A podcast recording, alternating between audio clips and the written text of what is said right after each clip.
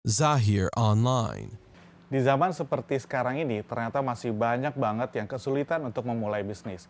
Padahal informasi itu ada begitu banyak bisa kita akses melalui handphone kita.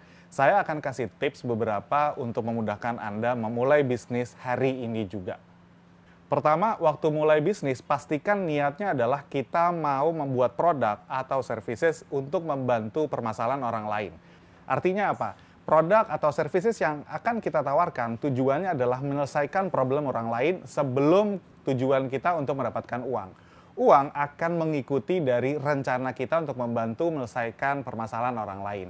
Kenapa ini penting? Karena motivasi kita untuk menyelesaikan permasalahan orang lain akan membuat kita lebih tegar ketika bisnis kita nanti naik turun. Kita tidak akan mudah goyah. Kalau hanya karena uang, maka spirit kita untuk memulai bisnis bisa berhenti di tengah jalan dengan gampang. Tips yang kedua, pilih produk atau services yang memang kita kuasai atau memang kita sangat suka. Bisa mulai dari hobi atau based on pengalaman yang sebelumnya sudah kita miliki. Kenapa ini penting? Karena ketika kita membuat produk atau services yang kita tawarkan ke pelanggan, pastikan bahwa kita benar-benar menguasai produk yang kita tawarkan.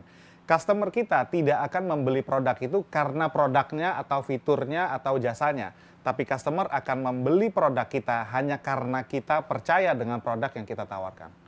Tips yang ketiga, sesegera mungkin Anda harus menemui customer atau calon pelanggan yang akan menjadi target dari bisnis Anda. Kenapa? Ini penting karena mendapatkan feedback dari customer akan secepat mungkin kita bisa membuat produk atau services yang cepat juga diterima oleh pelanggan. Tips yang keempat, mulailah bisnis dengan perencanaan yang tidak sempurna.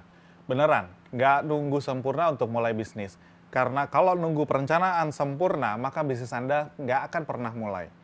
Perencanaan yang tidak sempurna itu akan membuat kita lebih cepat untuk action mengambil action secepat mungkin itu perlu di dalam bisnis. Kenapa? Salah satunya adalah secepat mungkin kita memulai bisnis, secepat pula itu kita akan menghadapi kegagalan. Habiskan jatah kegagalan kita secepat mungkin di awal-awal waktu, di umur-umur yang awal.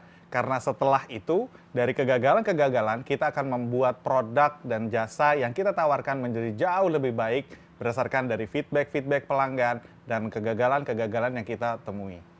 Yang perlu diingat, bisnis itu perjalanan spiritual, bukan sesuatu yang bisa dibaca di buku, bukan sesuatu yang bisa dibeli melalui internet, atau sesuatu yang bisa kita dapat dengan gitu aja.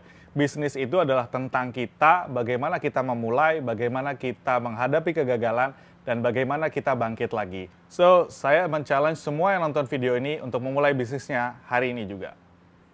Hai guys, buat kalian yang mau belajar mengenai bisnis, gimana cara membangun bisnis dan mengelolanya sampai benar-benar sukses, tolong langsung di sini like dan subscribe dan jangan lupa komen mengenai topik-topik yang pengen kalian belajar dari kita. Kita bakal balik lagi dengan begitu banyak video series mengenai bisnis mulai dari marketing, HR, manajemen, sales dan semua yang relate sama bisnis. Ditunggu ya.